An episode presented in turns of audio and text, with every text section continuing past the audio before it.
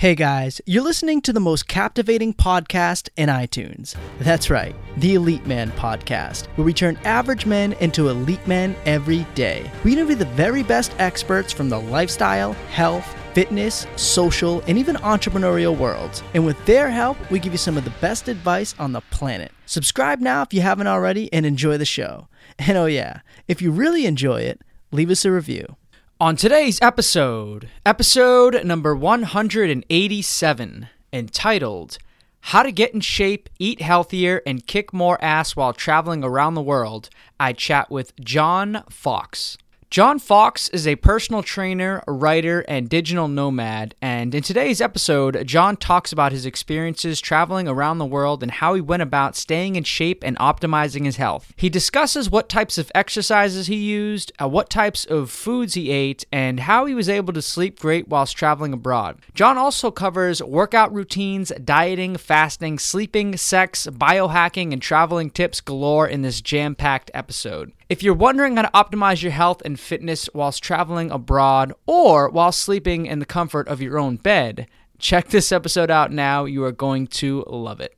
Have you joined the Elite Man newsletter yet? If not, get on it now. Go to elitemanmagazine.com slash newsletter and sign up to get special Elite Man content not seen nor heard anywhere else. Get all of our bonus podcast information, sneak peeks into upcoming shows, behind the scenes content, special offers, and exclusive Elite Man updates you won't find anywhere else. I'm telling you, if you're not on our newsletter yet, you're missing out. Go to elitemanmagazine.com slash newsletter and become a true member of the Elite Man community. I look forward to speaking to you soon and connecting with you even further elitemanmagazine.com slash newsletter. All right, guys, we're live. It's Justin Stenstrom from EliteManMagazine.com, and my guest today is John Fawkes from JohnFawkes.com. John, thanks so much for coming on the show, man. Hey, great to be here, Justin. Yeah, I appreciate you coming on. And uh, I just mentioned a minute ago, I love that last name. It's not F O X, it's F A W K E S, but the pronunciation nonetheless is pretty badass.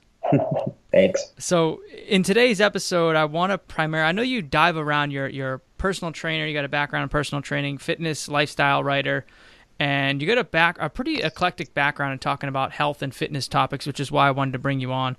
I want to kind of tackle a few different things today, but one of the main things that really sticks out to me about you is your ability to stay in shape while traveling. Like a lot of guys listening to the show are entrepreneurial, they're travelers, they're they're digital nomads, so to speak, and they like to travel around. And one of the toughest things to do is to actually stay in shape, whether that is eating the right foods or getting the right workouts in.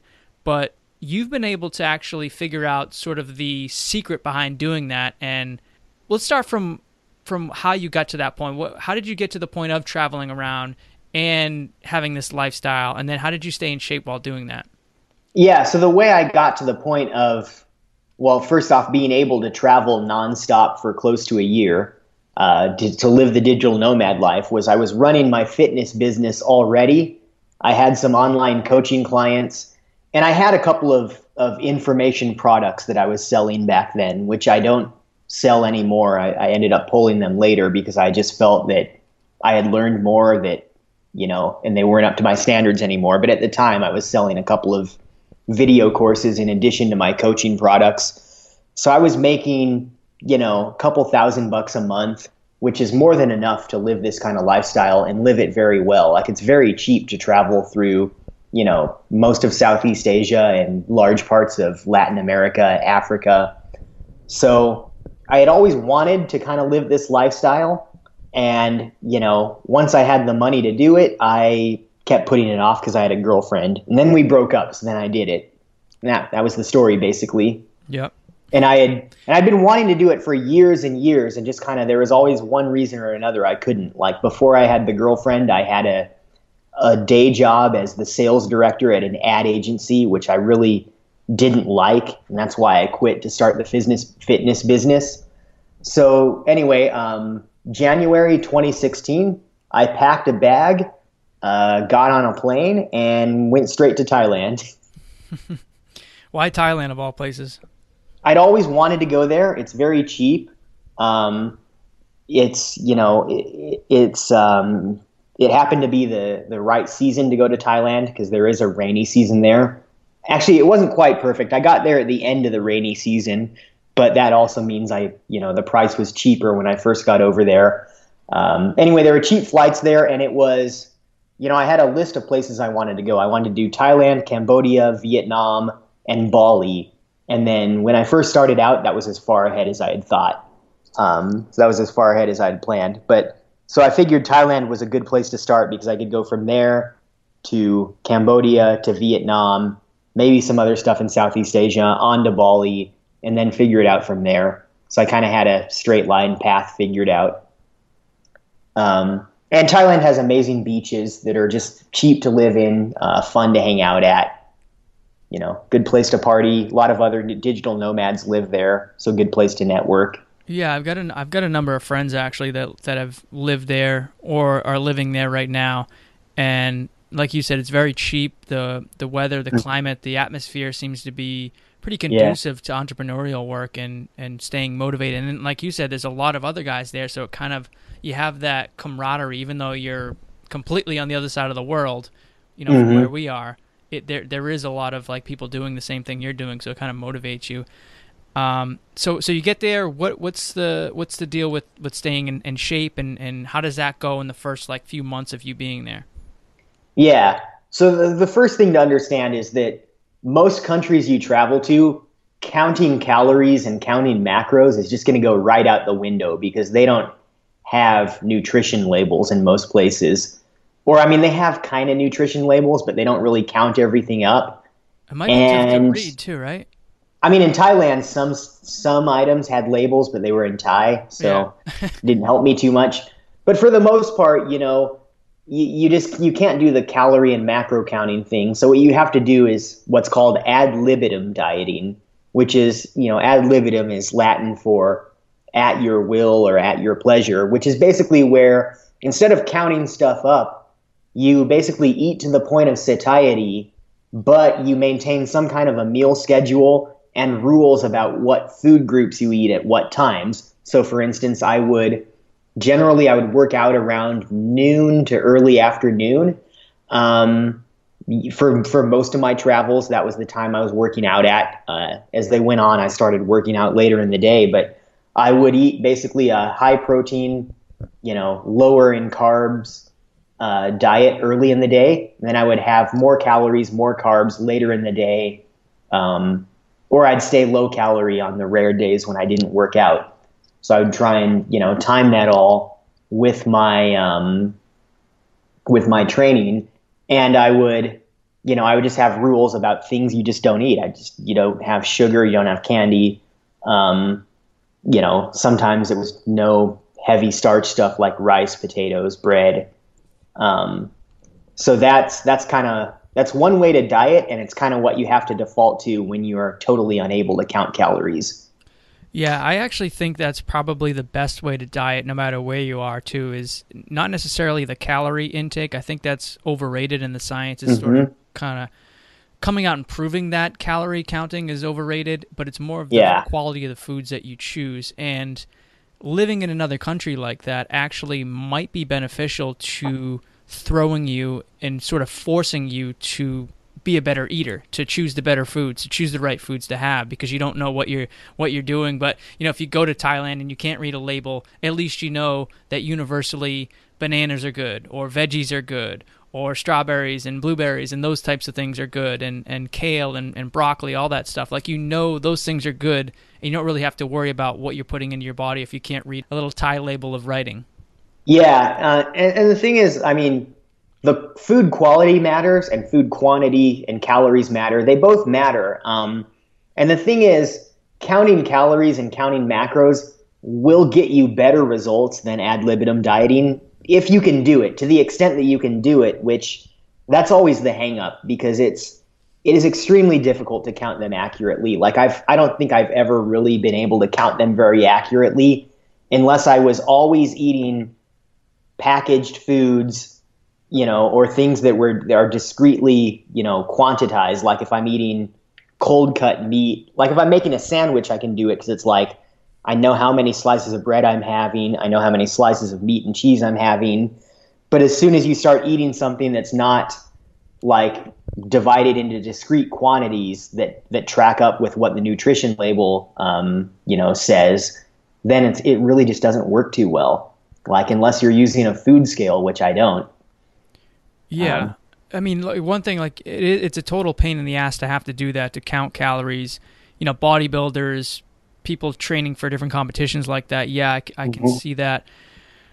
The other thing is too that I think often gets overlooked is the way that different foods are absorbed in the body and even mm-hmm. if you have say a higher calorie intake if it's a high, if it's a quality food mm-hmm. versus say a, an artificially processed GMO food those two different types of foods are going to be processed in the body differently. Even if they have the same amount of calories those those two foods are not going to be absorbed the same way and the nutrients and the overall value of of nourishment from from each food is going to be different. So yes, if you're if you're doing something, if you if you want to make it more scientific, counting calories I think has a place, but I think generally speaking for most people it's it's very overrated and something that I don't think really most people have to do.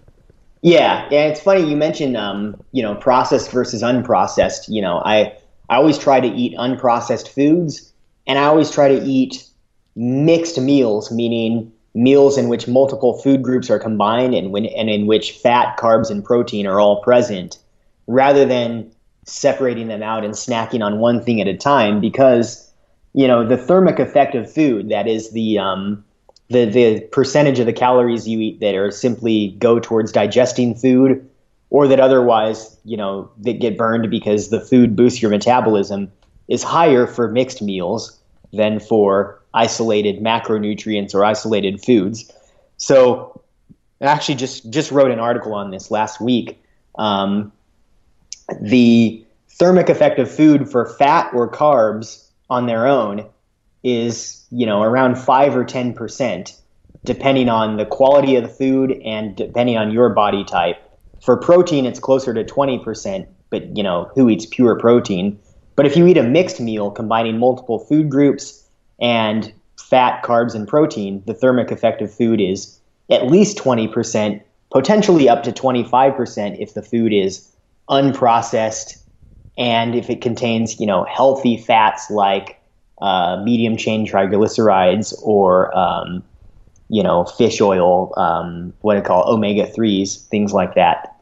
So, you know, you the way I think of it is when you eat unprocessed mixed meals, you get a kind of caloric discount on them, so you can yeah. eat more. And the other thing I do is, um, since I don't count calories most of the time, I mean, I do sometimes estimate them, but I I do uh, look for foods that are high in the satiety index, meaning they are more filling. Um, so you can you can Google the satiety index. There is a lot of research on it, but basically the most satiating foods, calorie for calorie, tend to be vegetables and seafood, and sometimes also berries.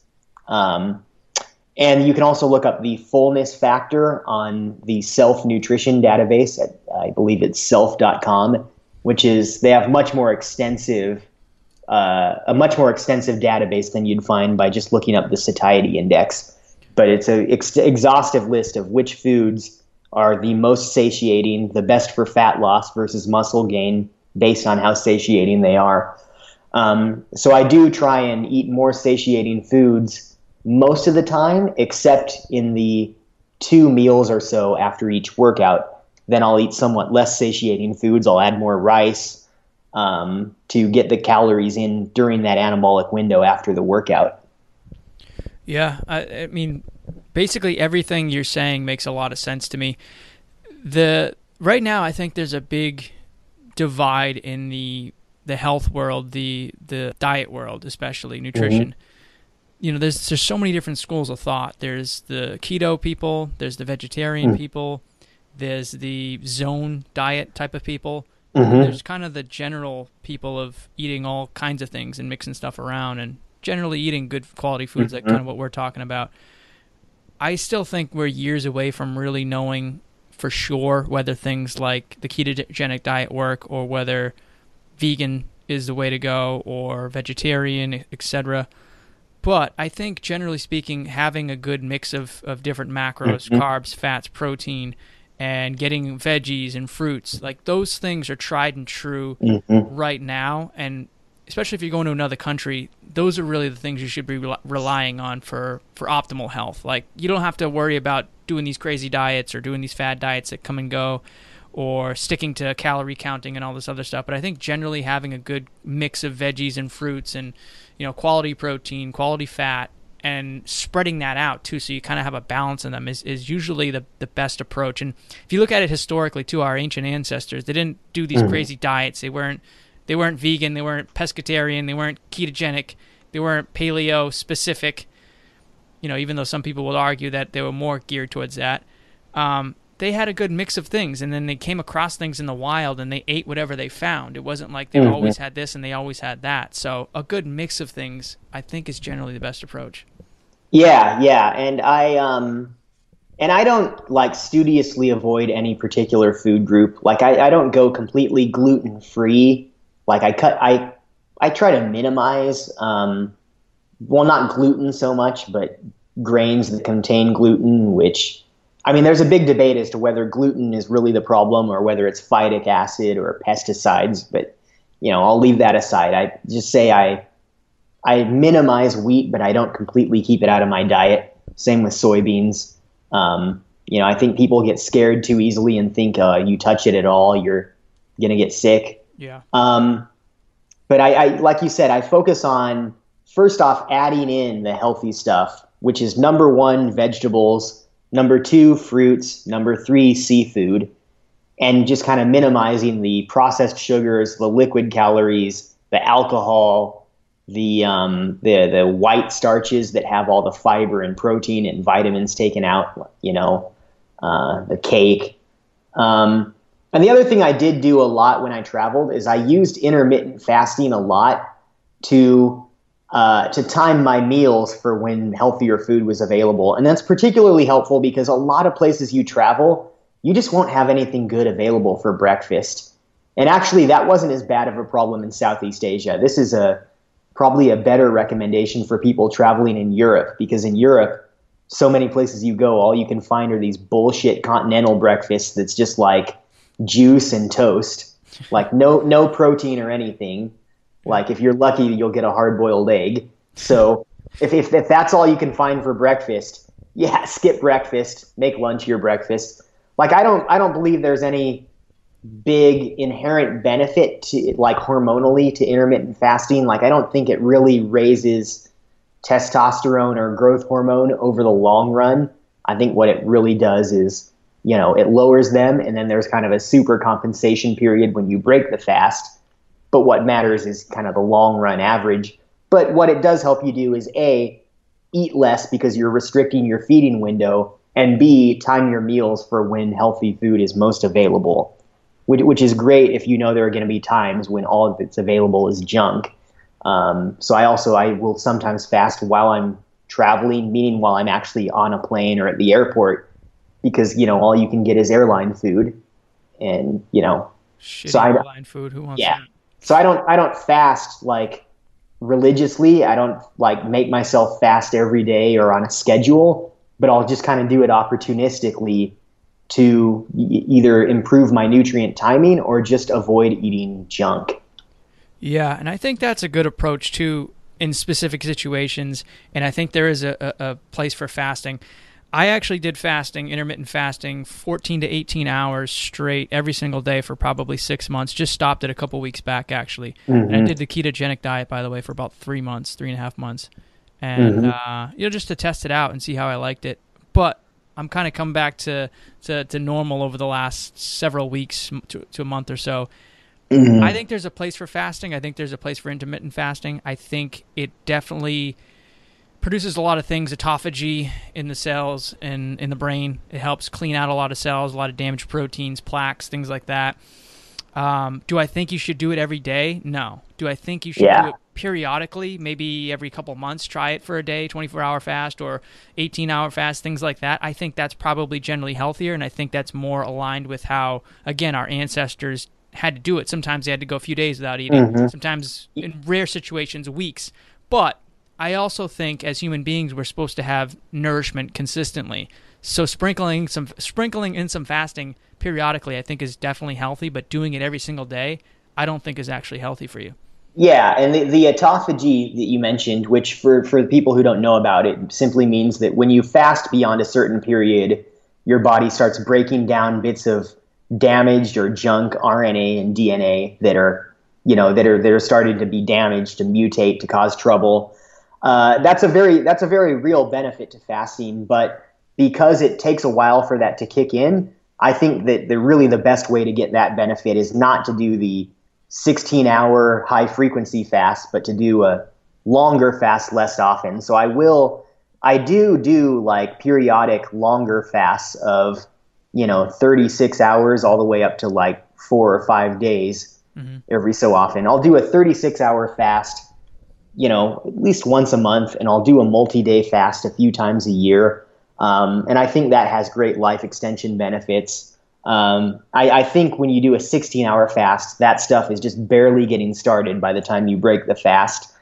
Um, but there are definitely weight control benefits to fasting for 24 to 36 hours once a month. And there's actually a very um, famous study on that that came out of the University of Utah, I want to say, which, for those who don't know, Mormons have this thing that they fast one day out of the month. So basically, they looked at, you know, Mormons who fasted versus those who who didn't follow that.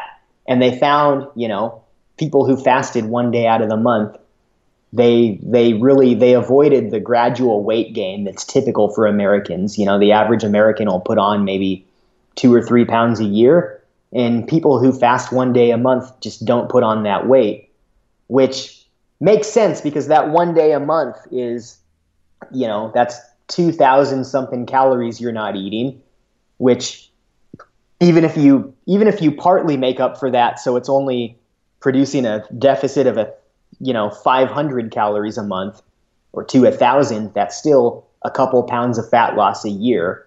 So that you know that one day of fasting a month doesn't add up to much much when you're losing weight, but it adds up to a lot just in terms of long-term weight maintenance and avoiding gradually getting fatter. Uh, no, I, I think you're you're right about that. I'm curious though about that study. I wonder, did they have guidelines? Did they have um, any idea what the rest of the diet looked like in those Mormons? I know, like for for instance, Amish people, they live out typically in the country out in Pennsylvania. There's yeah. huge Amish country people out there. I, I, saw them a few years back when I went out to Pennsylvania. But um, they're basically living like people lived in, say, the 17, 1800s and they're eating fresh stuff. They're eating a lot of organic stuff. They have these massive farms. They got chickens, cows, all that stuff. They're making all their food them, themselves, and they have little to no outside food sources like you know GMOs, like everybody else, or like processed foods, like we talked about earlier. Uh, do the Mormons have kind of a similar thing? No, the Mormons don't like just regular. They don't. They don't cut themselves off from modern society like okay. the Amish. They're just. They're just. They're, they're not anywhere quite near that weird. They they do tend to eat very healthy. I mean, if you go if you if you go to Utah or just a Mormon church or whatever, they for whatever reason do seem to be very healthy people. Mm. But they're otherwise eating a fairly typical modern diet. Like the the content is not too unusual. It's more like um, they just they're better at controlling quantities. They probably cook at home a bit more often. Um, and they don't drink alcohol and the vast majority of Mormons don't drink alcohol, and a lot of them don't drink caffeine either, which not drinking alcohol definitely helps. Caffeine, yeah, it probably helps to not drink it, but it's not as bad as alcohol. So that that makes a difference too. Like, but this study did, I believe, compare Mormons to other Mormons, meaning Mormons who just didn't practice the fasting part. Okay. So it wasn't an apples to oranges comparison of Mormons and non-Mormons and it was city dwelling people because it was people in whatever city that university is in. I can't remember which one it is, but okay. Provo maybe. I don't know. That makes that makes a lot of sense. Yeah. The the only real thing I know about Mormons is they have multiple wives, which is pretty cool in my opinion. Oh uh, yeah, they got rid of that a while back. Did they? oh, they fought a war over that. Yeah. The best thing about yeah. the whole religion. It's called man. the Mormon War. Yeah. Oh man. Yeah, I mean they actually have a beer in Utah called Polygamy Port. Really? No shit. Yeah, yeah. The logo is a guy with like two women on his arms. Yeah, the, the non-Mormon half of the state having a little fun at the Mormons' expense. Wow. So as far as you know, the uh, half the Mormons still do that, and the other half don't, or everybody took over and they don't do it anymore. No, no, no, no. It's only so I have like I have Mormons in the family, right? So they they they really the, the mainstream church doesn't do that at all. They stopped that in like the 1850s. It's just Oh. like some some weird fundamentalist offshoot still does that, and most of them live in Arizona or Nevada because they got kicked out of Utah. Oh, shit. Yeah. Yeah. All right. Well, that's our little Mormon history lesson for you folks. Um, they're they're healthy and they used to be polygamous, and some of them still are. Just a few. Okay, cool. Yeah. So anybody who's interested in checking that out, make sure you do a little more research into that because I was apparently quite wrong on the. Uh, Don't don't join it without reading the fine print. You might not have multiple wives, and you won't be allowed to drink. Um, so, John, how did you? We, we talked about the the uh, the diet aspect of stuff. How did you? How did you work with the fitness aspect? Are you are we talking about you know going to the gym still in Thailand? Or are we talking about working out every day? You're doing home workouts. You're doing body weight stuff like push ups and pull ups and things like that. How do you stay in shape, in good fitness? While being in another country like Thailand, I'm sure they don't have, you know, workout worlds and Planet Fitnesses up and down the streets there, do they? Uh, it depends on where you are. So I've I stayed in some major cities, like I stayed in Buenos Aires or Kuala Lumpur, and then there were times when I stayed in really tiny villages, and I was almost always able to find a gym. Like the the one place that was kind of hard to find a gym was um, Koh Phangan, Thailand. When I got there, there was no gym, and there was one that opened up like a week after I got there because it was being remodeled or opened or something. So I, in the time periods when I didn't have a gym available, I would just do body weight workouts in my hotel room or wherever I was staying. Otherwise, I would go to a gym, and of course, I would always walk to the gym because I didn't have a car wherever I went. Um, so you can almost always find a gym, even in a pretty small city, assuming it's even remotely touristy. If if you really go off the grid and go in a place that's like doesn't it have tourists and it's just kind of a local place, that's a different story. There might not be a gym. But anywhere that's small but still a little bit touristy, there's almost always going to be some tiny little gym. And and the good news is almost all of the gyms in these kind of developing countries have very cheap day passes. So there were a lot of places I went where I could buy a day pass for a dollar. Like so um, so it's it's really not that much of a challenge if you're just passing through an area for a few days. Um, it's just like you know you got to make the effort to find the gym and hopefully stay somewhere reasonably close to it. Like in Phangan, I kind of lived outside of town, had to trudge all the way into town to get to the gym. So you got to be willing to make that effort. And you need to have a backup body weight X workout to do when there's not a gym available, which there sometimes won't be. So I always had, uh, you know, a 20 or 30 minute body weight workout available that I could do. Um, occasionally, I would do that twice a day if I really needed to push myself because I wasn't hitting the gym. Uh, otherwise, you know, if I was only going to be away from the gym for a day or two, I'd do that once a day, just a 20 minute body weight circuit workout in my room. And if I could do it all over again, I would I would add um, I would carry resistance bands with me to expand the range of exercises I'm able to do. And unfortunately, I really only discovered the endless possibilities of what you can do with resistance bands after I got back from my travels. But I do have a lot of my clients use them. What did uh what did those like 20 minute body workouts look like? Oh, it's just very quick circuits of you know eight or ten exercises. So I do push-ups, planks, mountain climbers, uh, lunges, uh, Bulgarian split squats without the dumbbells, jump squats or jump lunges, pike push-ups.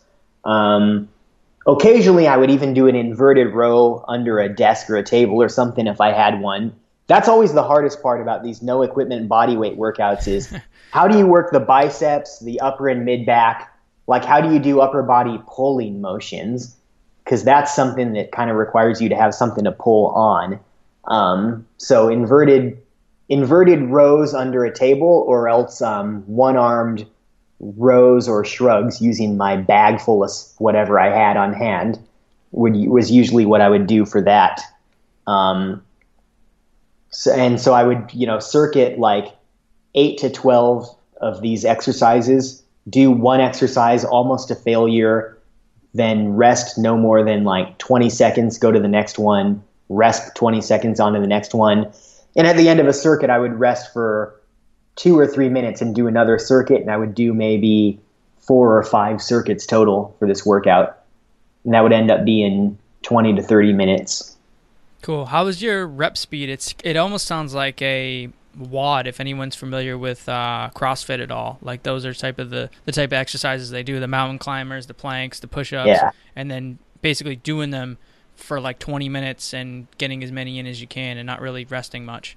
Yeah, rep speed was not necessarily high. That depends on the the exercise. Like for push-ups, the rep speed could get pretty high. For for Bulgarian split squats, the rep speed's always slow. There's really there's no such thing as a really fast Bulgarian split squat. You just it doesn't work very well. You'll probably lose your balance, or and it doesn't help if you go faster. So it's it was fast paced in the sense that the rest periods were short, not necessarily that I was going high speed on on the reps. Okay, I just Uh, wanted to make that kind of yeah. clear. It was a metabolic conditioning workout basically, whereas my my gym workouts were all over the map. I would do a lot of traditional bodybuilding. Sometimes I would do density training workouts or um, or kind of circuit style workouts. They they were all over the map. But the body weight was all kind of these circuit style metabolic conditioning workouts that are designed to get your heart rate up and not so much to build muscle as much because you just don't have the heavy weights to work with.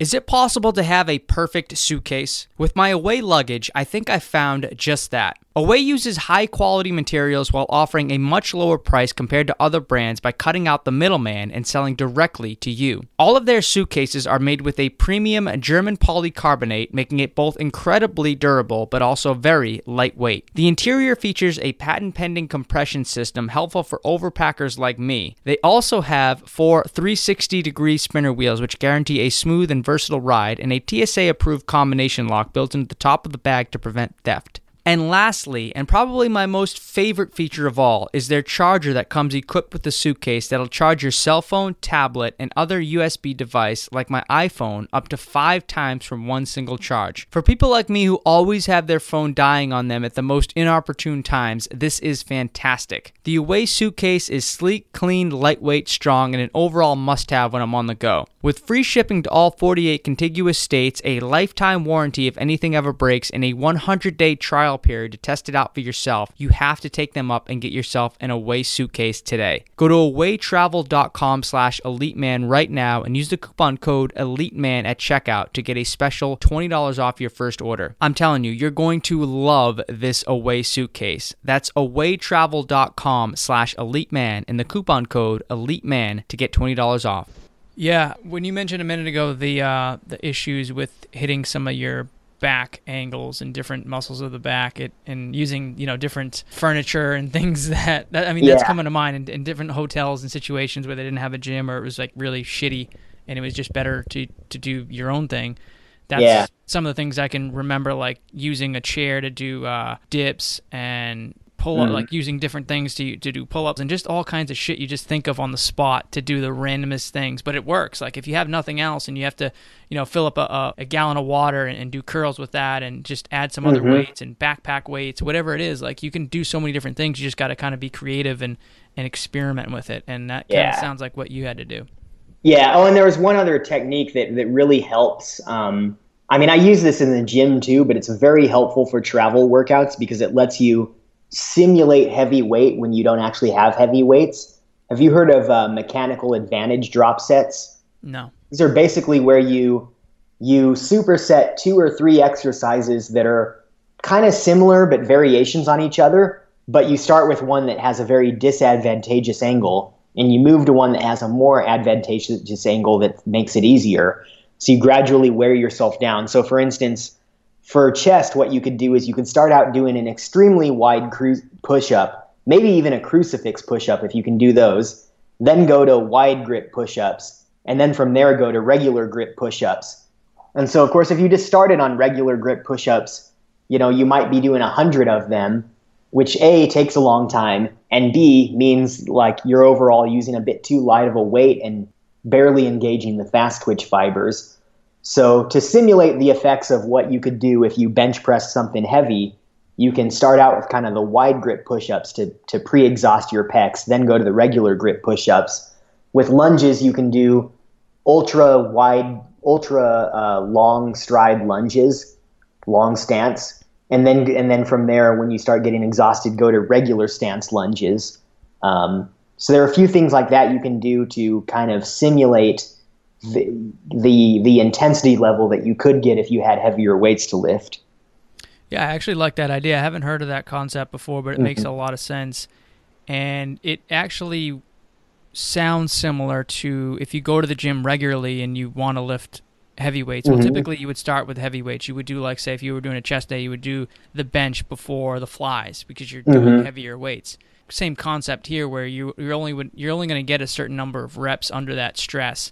Yeah, and you're you're really stressing the muscles, and then you kind of go to the easier stuff towards the end how often did you work out? Did you was this an everyday thing to make sure you were in shape, or was it every couple days and resting up? And how how did that go?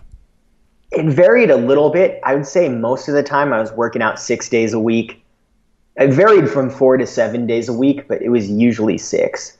Um, and even and even on my rest days, I mean, I was always walking a ton. Like I didn't have a fitness tracker back then, but I mean, I had no car, and of course, I was always excited to be wherever I was and exploring wherever I was. So I was probably walking like, you know, 15 to 30,000 steps a day, maybe 40,000. So the walking helped a lot too. And and the thing is, you know, when you move around like that, especially when it's hot, uh, that suppresses your appetite too.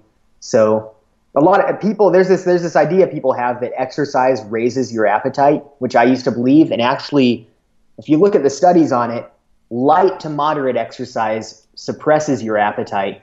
And it's only once your activity level starts getting pretty high that it then starts your appetite starts to come back up.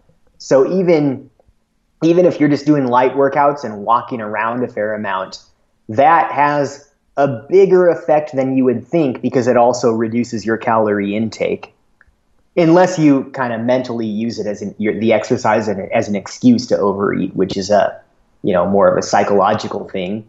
That's a different story. But so I, but anyway, I was in the gym five or six days a week when possible, and and there were periods of up to a week or so when it was not possible. Okay.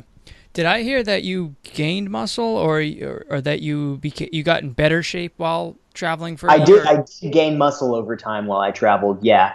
And, What's the and, secret there? How'd you how'd you do that? I mean, I was just really working out in the gym a lot and eating a lot, and it helped that I a had a pretty low stress lifestyle because really stress does affect your ability to recover from from workouts.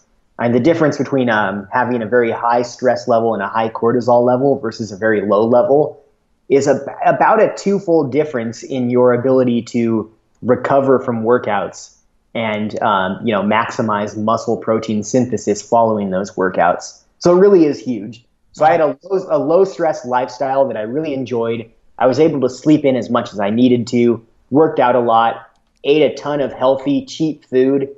I mean, it really it it also helps that you know to the extent that you can find healthy food, it was cheap as heck overseas. So I could just, you know, I didn't have to choose between eating cheaply and eating healthy, like you like you occasionally might have to do in the U.S. and or uh, I should say eating cheap, healthy, home home cooked. Pick two. That's kind of the rule here. But there, I could eat out, and it was still cheap and healthy. yeah, well, you you brought up sleep too, which is actually what I was thinking of when you said you had a lot of you had very low stress levels and your recovery was much faster. Sleep is such a huge part of that. How many hours of sleep were you getting and how did how did your how was that quality of sleep? Was it better overseas or was it better here? I'd say the quality of sleep was it was worse when I first started traveling. Then after a while it was probably about the same as I'd get here. I wouldn't say necessarily better, but certainly the same. Um, and I sleep maybe usually about seven hours a night. I really try to get more, and my body just doesn't let me. It wakes itself up like no matter what I do, it wakes itself up after usually seven and a half hours tops, which probably means that's all I need. Yeah. But I would say most people who are highly physically active would benefit from eight to nine hours of sleep. And for whatever reason, my body just does not either doesn't need it or won't let me get it. But, you know, but seven hours is certainly a very respectable amount, and it is plenty for most people if they're not extremely active, and seems to be plenty for me because I feel great on it. When I don't sleep well, what I get is more like four or five hours a night, which I don't feel good on. Um, but but sleep can be tough when you travel, is particularly if you're staying in cheap hotel rooms that have a lot of light coming in through the windows or uh, that are not well soundproofed. And so I did. I would travel with a sleep mask and earplugs. Um, and I didn't always use the earplugs if I didn't need them, but I pretty much always sleep with a sleep mask because it really helps to. You want to sleep in as dark of an environment as possible. So black blackout curtains or blinds if you can, um, and even a sleep mask if there's any amount of light in your room. And you want to get a lot of light during the day to maximize the contrast between day and night so that your body really knows that when it gets dark, it's sleep time. Um, and so I would I would do that, and I would also use melatonin to help me sleep, particularly when I was in a new place. So anytime I, and by a new place, I don't just mean when I moved time zones. So a lot of people think, um, you know, it's hard to sleep if you move time zones, but as long as you don't do that, you'll have an easy time getting to sleep. And that's not true. Like if I, if you even like go to a hotel down the street from your house, you're going to have a hard time getting to sleep because of something called the first night effect, which is where the first time you sleep in a new place you haven't slept before, you have a hard time getting to sleep. Your body doesn't want to sleep. And as far as anyone can tell, that's probably something we evolved so that we could stay on guard when we're traveling to be alert for predators back in the caveman days. So, so the first night effect means that anytime you're sleeping somewhere new, even regardless of time zones or jet lag or anything, you need to take extra care to help yourself get to sleep. And that means, you know, try and meditate sometime during the evening to help you relax, do some breathing exercises, um, maybe have some carbs in the evening to help your brain produce serotonin, and take some melatonin. And, and I would say to anyone traveling like this, buy melatonin and any other medicine you need here in the US because I've, as I've learned, the that's one of the few things that's actually way cheaper in the U.S. than even in third world countries. Like over the counter medications are they don't get any cheaper than they are in the U.S. Yeah, that's a, that's a strange one too because you figure it's so cheap here and everything else is typically cheaper overseas. Yeah. Uh, the I'm just guessing on the melatonin, but the the reason for that might be that it's actually uh, it needs to be prescribed in a lot of countries, like the UK, I believe. That you have to get a prescription for melatonin. They actually melatonin does, yeah, yeah. Melatonin, you're right. Melatonin does, and I don't know if I ever even bought melatonin because I might have taken a year's supply with me. Yeah. But I know that like if you want to buy like Imodium or Advil or anything, like in a lot of places, you can't even buy a bottle. Like you buy that buy the pill, no like shit. one pill at a time, individually foil wrapped like you can't buy a bottle of hundreds of pills like you can in the U.S. And it's partly that's because U.S. Americans are just big pill poppers, but also because it's made here. Like like we actually make drugs here, so Yeah. it's a lot of the drugs you buy there is actually it's shipped either from the U.S. or from India, which are, is the other big uh, pharmaceutical producing country. Yeah, actually, I know uh, in in like South America too. People I know used to get a ton of vitamins here and then send them back. Like they'd get like thousands of dollars worth of shit and then bring Oh them yeah, back home yeah. because it's You're right, I know. like ten times more expensive. Oh, I, I know a lot of Chinese people who do that. They'll, Yeah, they'll stock people up on, on supplements and multivitamins and stuff at Costco Yeah. and take them home. And it's a lot of times for their parents, you know, because it's stuff that either you can't get there or it's expensive as hell. Yeah. So that a lot of Chinese it. people my age will like they'll take stuff home to their parents whenever they visit. Way cheaper. Oh yeah, no. I so I love all your your sleeping tips. I think they're great, and melatonin in particular. I think it has a, for some reason, a bad rep. There's some studies shitty ones, I think, in my opinion, that say that there's some adverse effects to melatonin supplementation.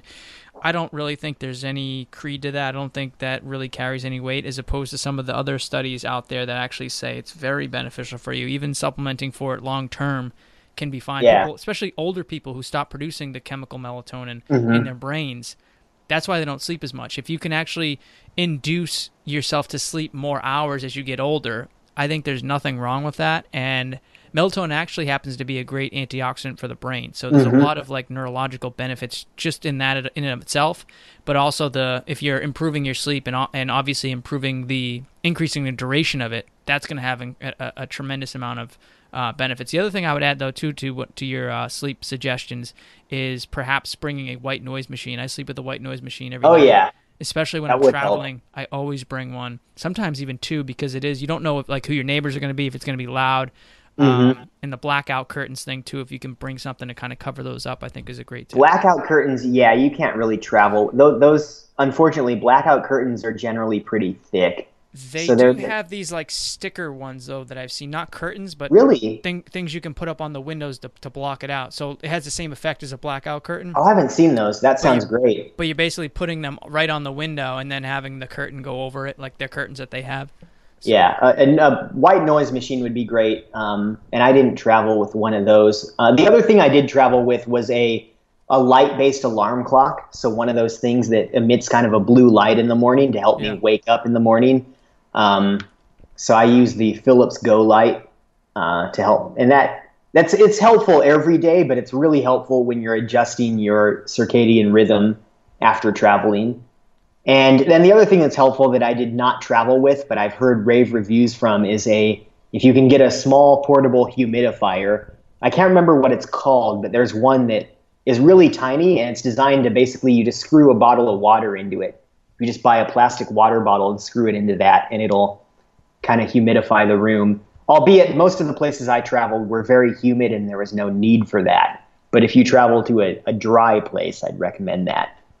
I was I was in jungle countries most of the time. Yeah, so there, there wouldn't be a problem with that. You have a tip for hacking your inflammation that I want to talk about. What is that about? How do you hack your inflammation to, I believe, to improve your muscle gaining? Muscle gain, yeah, and overall health probably. But um, so inflammation is a, a very misunderstood subject. And I think the biggest misunderstanding people have about inflammation is that it's just plain bad, that, that it's just always bad. And, you know, that's wrong because, first off, your body has inflammation for a reason. Um, I mean, it, it happens for a reason, it's part of the body's repair process. And if you look up the Wikipedia article on inflammation, one of the things that it'll say in the first or second sentence is one of the things that characterize inflammation is increased blood flow. When a part of your body is inflamed, it gets more blood flow.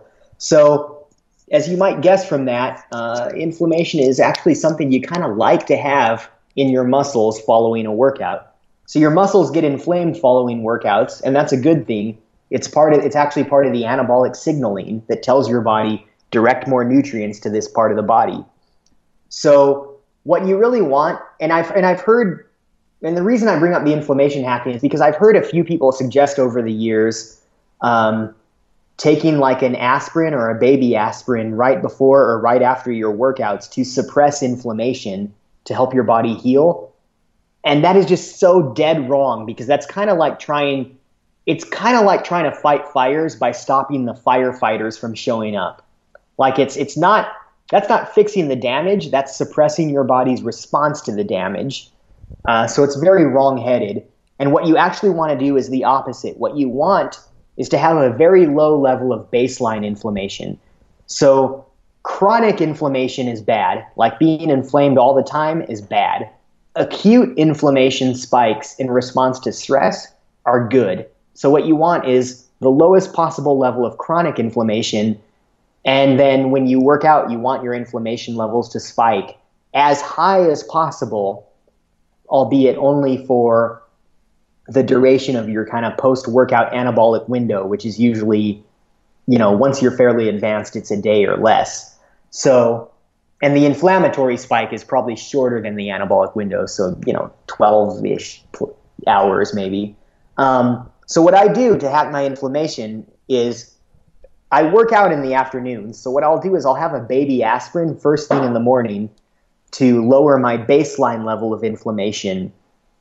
And I've considered having one pre-bed too, but I don't really do that because A, that's not even 12 hours since I've worked out, and B, you know, I think the enhanced blood flow is probably great to have at night while you're sleeping recovering. But I will take a baby aspirin first thing in the morning almost every day. And on days when I don't work out, I'll take another one in the late afternoon to lower my baseline levels of inflammation. I'll also I'll take a vitamin C supplement um, right before bedtime every evening to help the body recover. Um, and again, people a lot of people have suggested taking vitamin C right after workouts to help clear out cortisol and, and lower inflammation. I think it's better to delay that a bit, let let the muscle get beat up a bit to enhance that signaling, and then take the vitamin C right before bed because that is when uh, you know when you sleep is when your body is most in heal and repair mode. Um, and the other thing I do sometimes is I don't do this just for inflammatory purposes, but I do use nicotine patches sometimes as a nootropic to help me focus and be alert while I'm working. And that also has an anti inflammatory effect. So I will, you know, use those in the morning. And, you know, I used to use them all day. Once I learned about the anti inflammatory effect, I started using them in the morning. And on workout days, I would take them off before the workout. Yeah, there's a lot of cool things you touched on there. The in, in regards to vitamin C supplementation actually, or anti-inflammatory NSAIDs, that type of thing, supplementation after a workout. I actually used to be very big on high dose v- vitamin C. So I would take like 5 to 10 grams a day, 5,000, 10,000 milligrams a day of vitamin C. I did this for a few years. And then I started reading things, some literature about, like what you said, the the downside to supplementing yeah. with vitamin C, particularly right after a workout, within like the hour or two after a workout. And yeah. like you said, there's actually a downside to that because that inflammatory response is a positive one. It's a good thing.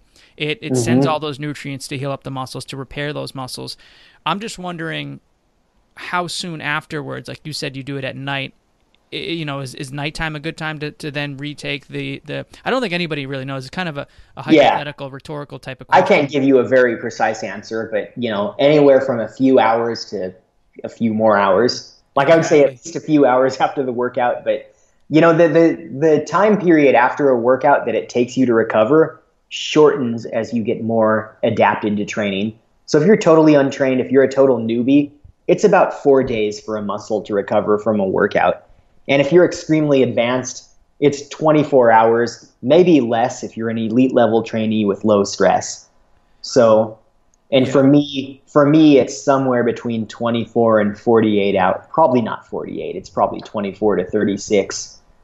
Um, I think so, the I think the benefits too of, of supplementing with vitamin C are outweigh after a so, certain point like that. Maybe there's a three four hour window there where you shouldn't take in a ton of vitamin C, but after that, the benefits yeah. far outweigh not taking vitamin C like every single day. If you're working out, say six days yeah. a week, and not taking that vitamin C because you might interfere with the inflammatory response, I think is probably not a, a wise decision. The other question I had is why aspirin as opposed to turmeric or say curcumin or one of the other natural anti-inflammatory herbs. Uh, I mean, natural inflammatory herbs I work into my cooking, but you know, I work them into my cooking when I'm cooking food that that they would fit into that the flavor would work and to be and you know they're great, but aspirin is just more powerful. You know, it's it's more anti-inflammatory than they are. Oh, and to be clear, I'm talking about baby aspirin, not full-sized aspirin, because the baby aspirin just does not last as long. The full-sized aspirin lasts close to a day before it's really out of your system. The baby aspirin has a half-life of two or three hours, I want to say, maybe four versus I want to say like 15 or 17 for full size aspirin. So it's because the, the timing is pre- pretty precise here. I'm just using a little baby aspirin. And I don't know what the half lives of the anti inflammatories in those herbs are either, which makes it hard to do any kind of precise timing with them. Like I don't I don't think the half lives have really been established for them. So that also is an obstacle when you're really not just trying to lower inflammation in general, but time it precisely. Okay. I, that's a that's a fair point. I think you doing it with the baby aspirin, at least you know it's you know exactly what you're getting Yeah. every single time. And you know if you're talking about this type of thing, it's it's definitely easier to to, to time it into your into what you have in your protocol. You're working out in in the afternoon anyways too, so Yeah. you hitting that Yeah. spike. And right the other thing is about the herbs is if I chose to supplement them rather than cooking with them, who knows how much of them the supplement really contains, you know? Like the supplement industry is just not very well regulated. I mean, a lot of supplements either don't contain what they say they do or a very different quantity than what they say they do, or in herbal supplements it's not very fresh. So, I, as a general rule, I don't like herbal supplements because they are the most likely type of supplement to just not really contain what they say they do. As opposed to a vitamin or a mineral supplement is fairly reliable, but herbs, total crapshoot. Yeah, we actually probably don't know this, but we actually do have our supplement line, Elite Life Nutrition, Yeah. which we have one herb right now. It's only the ashwagandha herb. We're probably going to go down at, at some point and bring in some other ones like turmeric or curcumin and uh, rhodiola, some of the other ones down the line. But we make sure that every single thing that goes into our, into our supplements ingredient wise is tested and we get the COA, the certificate of analysis, so I can see exactly what everything has in it. And it's 100% legit. But there's so many companies out there, man, that it, like you mm-hmm. said, it's a crapshoot. You don't know what the hell you're getting in your supplements. It says 200 Yeah. milligrams on the bottle. It could be like 50 milligrams, and you wouldn't know because they actually have a, a range where some supplement companies actually will allow that amount to go through because it passes like within their their standards and their standards are, are Yeah. complete dog shit like the range of what they'll allow is complete dog shit but you would never know that you say 200 milligrams in the coa the certificate of analysis says 50 milligrams on it and they're selling that to the public it's crazy Absolutely, yeah. And I would say to anyone who, if you really want to spend a lot of money on supplements, do your research on companies and kind of find a company you trust and just kind of be brand loyal to them. Like there's a strong case for brand loyalty when it comes to supplements because what you know what you could do is kind of pick and choose like all right, your ashwagandha is the cheapest, I'm going to take that. Then these other guys their maca extract is a little cheaper than yours, I'm going to go with them. But given the quality issues and supplementation, I think it really makes a lot more sense to just kind of find a company that has high quality control standards, that really controls their supply chain and knows what the hell they're selling, and just be loyal to them, even if it even if it costs a little more, and don't kind of like constantly shop around because it it's it's there's no use like trying to shop around for something a little cheaper if it either doesn't contain jack shit or contains like lead from China. yeah. That that's really you're, you're absolutely right. That's really one area of life. Even not even just talking about my line of, of supplements which i honestly think is one of the best out there because i've done the research into it. But in general i mean i've been taking supplements for years and i've learned the i've learned the hard way like finding a supplement company to really trust and one that you know has high mm-hmm. standards. It's it's so far outweighs the extra couple of bucks you're going to spend on a bottle just to know mm-hmm. that you're having that and you have the the guarantee of, of something quality made and it's not going to Yeah. have heavy it's not going to have mercury it's not going to have lead or cadmium or arsenic that so many other sh- companies don't even test for and sometimes they- they'll test for it and they'll just allow those things to go through and it's uh, it's a shame and it's really a wild west in terms of finding a good company so Yeah, know, man. it I think it's worth it. And uh, and a lot of the companies they'll test for it, but not often enough, and so one batch will be good and the next one won't.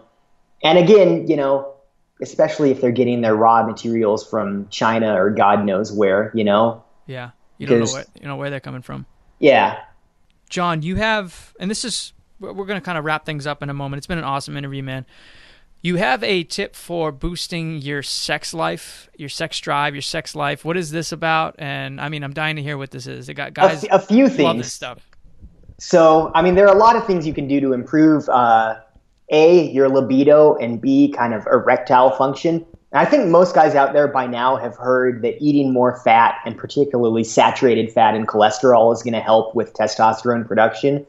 I think what a lot of people don't know is eating extremely high protein actually hurts it.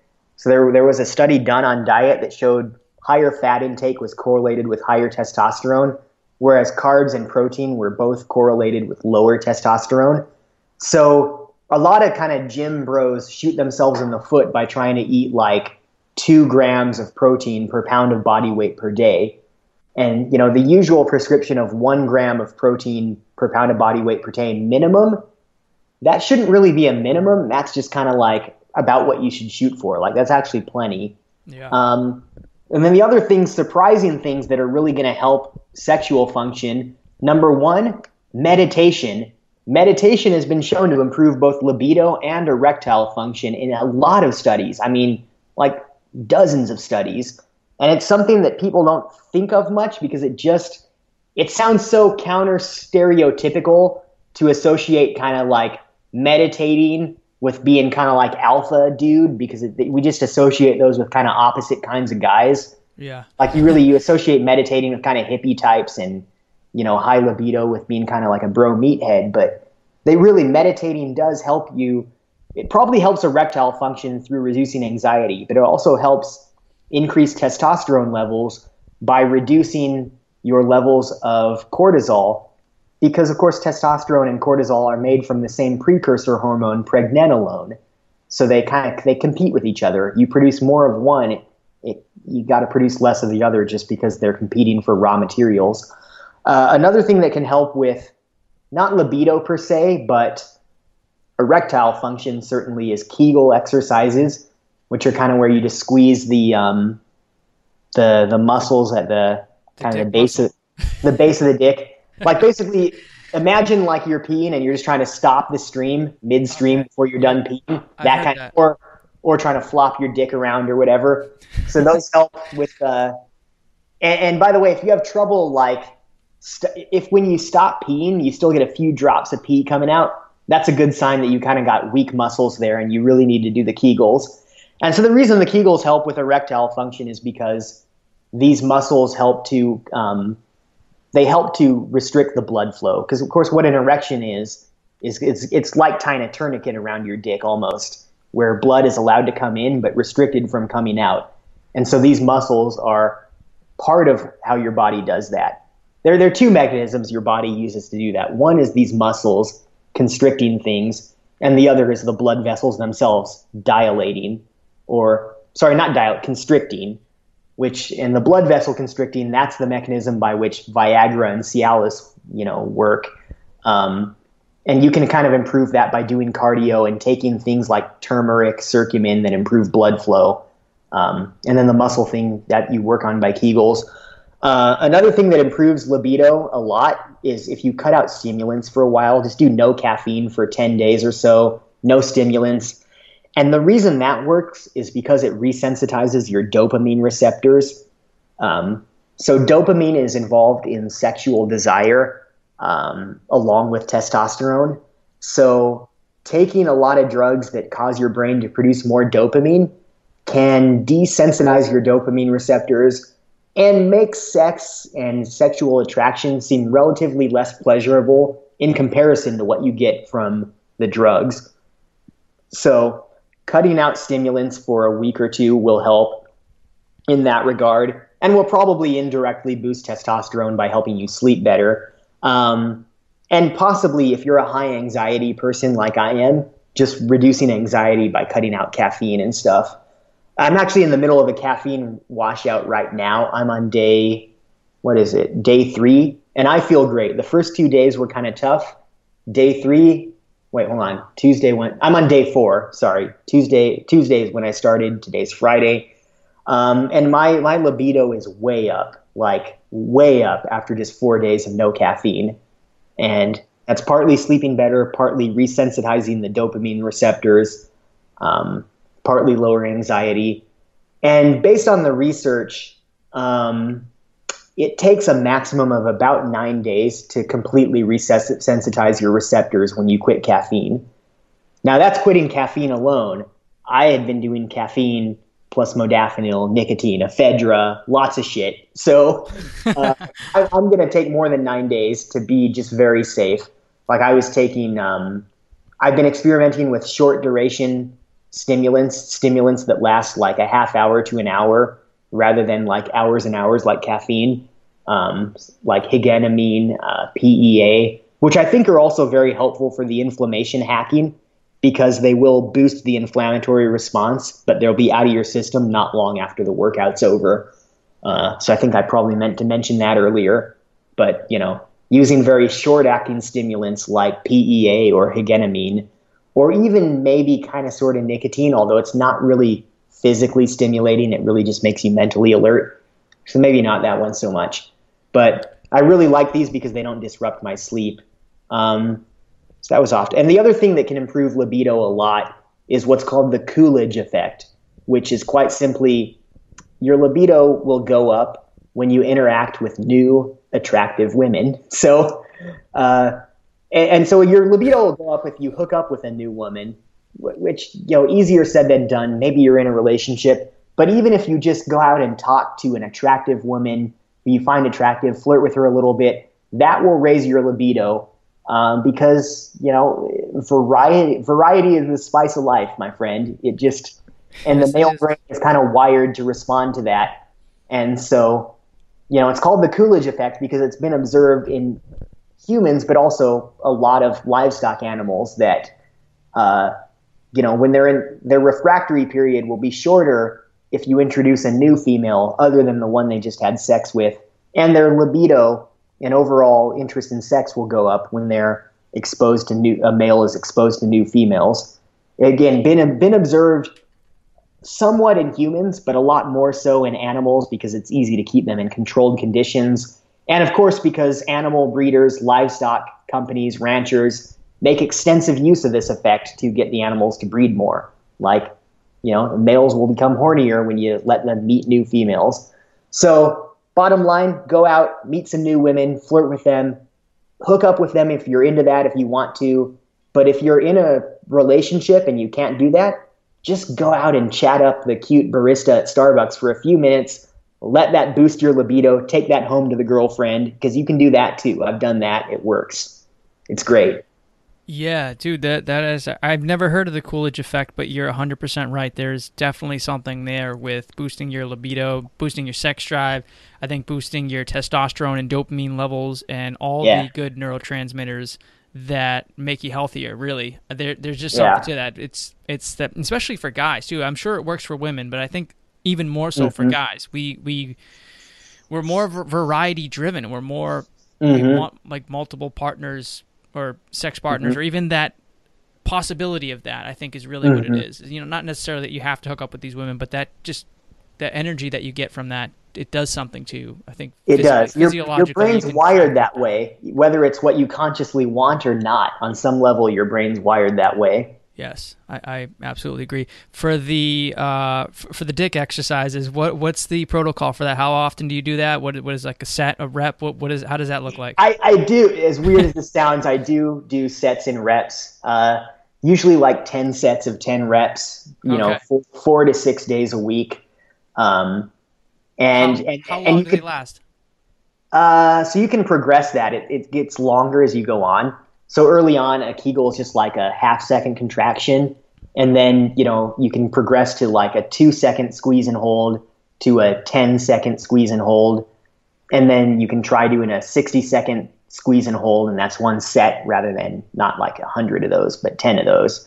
So, um, so you kind of you can pro- pro- progress that by either adding more sets and reps or by changing a rep from a partial second contraction to a multi second squeeze and hold, which is what I've done because doing more than 10 sets a day is just kind of like mentally exhausting. But, you know, uh, it takes a tiny bit of concentration, but not much. So I'd recommend doing it while watching a TV show because um, that's something you can. It takes just enough concentration that you can't really do it while working or whatever. And doing it while reading might be tough but you can do it while watching a movie or a TV show. So I usually do these at night while watching my my evening TV. Cool. Uh, all right. Well, thanks for sharing that protocol. I'm definitely going to try them out myself, and I know the, the guys listening are going to love that. Uh, I never talked about my dick this much on a podcast. love it, man. I love it. John, just kind of wrapping things up. It's been an awesome interview. What uh, what's a final takeaway send off message you'd like to leave our Elite Man audience, and then a place that our listeners can check out more about your work? Yeah. Oh, well, I'd like to tell a short story about my travels that that will really drive home the message here. So when I was in Cambodia, I went to uh, Angkor Wat famous temple complex in Cambodia, one of the you know, you know one of the world's most popular tourist sites, like this giant miles wide temple complex. So I went on a day long tour that was we, we were touring maybe like six different things in one day. So it's like a dozen people in a van driving around all these different temples and archaeological ruins and sacred mountaintops. But only half the people in my tour group completed the tour. So like one girl was hungover, she had to like grab a cab and go back to her hotel and sleep it off. Another woman was like jet lagged and she like stayed in the van and missed one of the temples to save her energy to see Angkor Wat later in the afternoon. Another couple like barely made it to Angkor Wat, took a quick look at it and then left because they were tired or dehydrated, I think. Uh, another guy was just too fat and couldn't like walk around as much as we needed to. Even though we had a van, we had to walk around the individual sites. So he kind of bowed out. And so at the end of this tour, like it ended with like a sunset hike up a not even a mountain, like a little hill really, to a temple on top of a hill to watch the sunset. And out of like the 10 or 12 people in our group, it ended up being like me and three or four other people. And the other people were all young. Like I was the oldest at like 31 years old, I was the oldest out of all the people who even made it to the end of the day. Like all the old people bowed out before that. Some of them didn't even make it to Angkor Wat. And one of the other guys who actually did make it at the end of the day, we kind of raced up the hill, and he was a personal trainer too from Australia. But it really just drove home the point that like being in good shape is not just about looking good, and it's not just about being healthy. Although I mean, it, it should be about being healthy, but that's just such a long term thing. People don't really think about it as much. But it's about being able to fully live and experience life because just like when you're out of shape, you don't even have the energy to enjoy stuff. Like, honest to God, these people spent like five grand or more to fly all the way around the world and be in a nice hotel and view some of the like most wondrous things humans have ever created. And they couldn't fucking do it. They couldn't even finish their their damn tour, their one day tour. They didn't have the energy for it. Like, like their being out of shape didn't just cost them, you know, didn't just shorten their lifespan or make them look bad. It made them like not even able to enjoy uh, other stuff in life.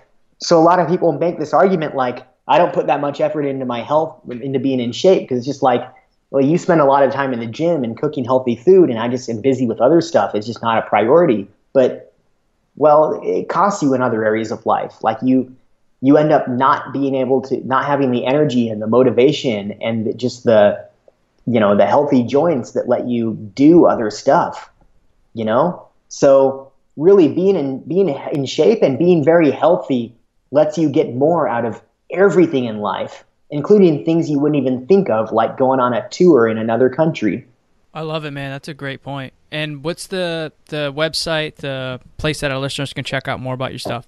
I am at johnfawkes.com. That's J O H N F A W K E S.com. Uh, you know, you can find me a few other places like medium.com, the Huffington Post, but most of my best stuff is on johnfawkes.com. Uh, I have a habit change cheat sheet you can download with uh, five ways to quickly change any habit in one week. Um, if there are any ladies listening to this, I have a glute guide it's hmm. primarily geared towards women. Men can use it too. Guys can use I'm, it too. Come on. I, am I'm, I'm coming up with a shoulder guide that's going to follow the same principles later this year. Working on a shoulder, like a comprehensive, like 40 page guide to building huge shoulders. Because I don't know about you, shoulders are my favorite body part. I think they're the, the sexiest body part on a man in terms of looking good, and they're my best body part, other than my shiny bald head, obviously, and my extremely well developed, like base of the shaft area, which we've already discussed. My shoulders are in the top three for sure.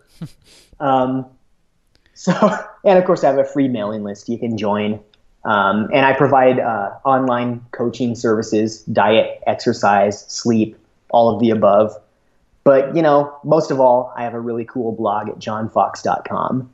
All right, man. I appreciate it. Guys, definitely check him out. He's an awesome dude, very eclectic background, really smart guy.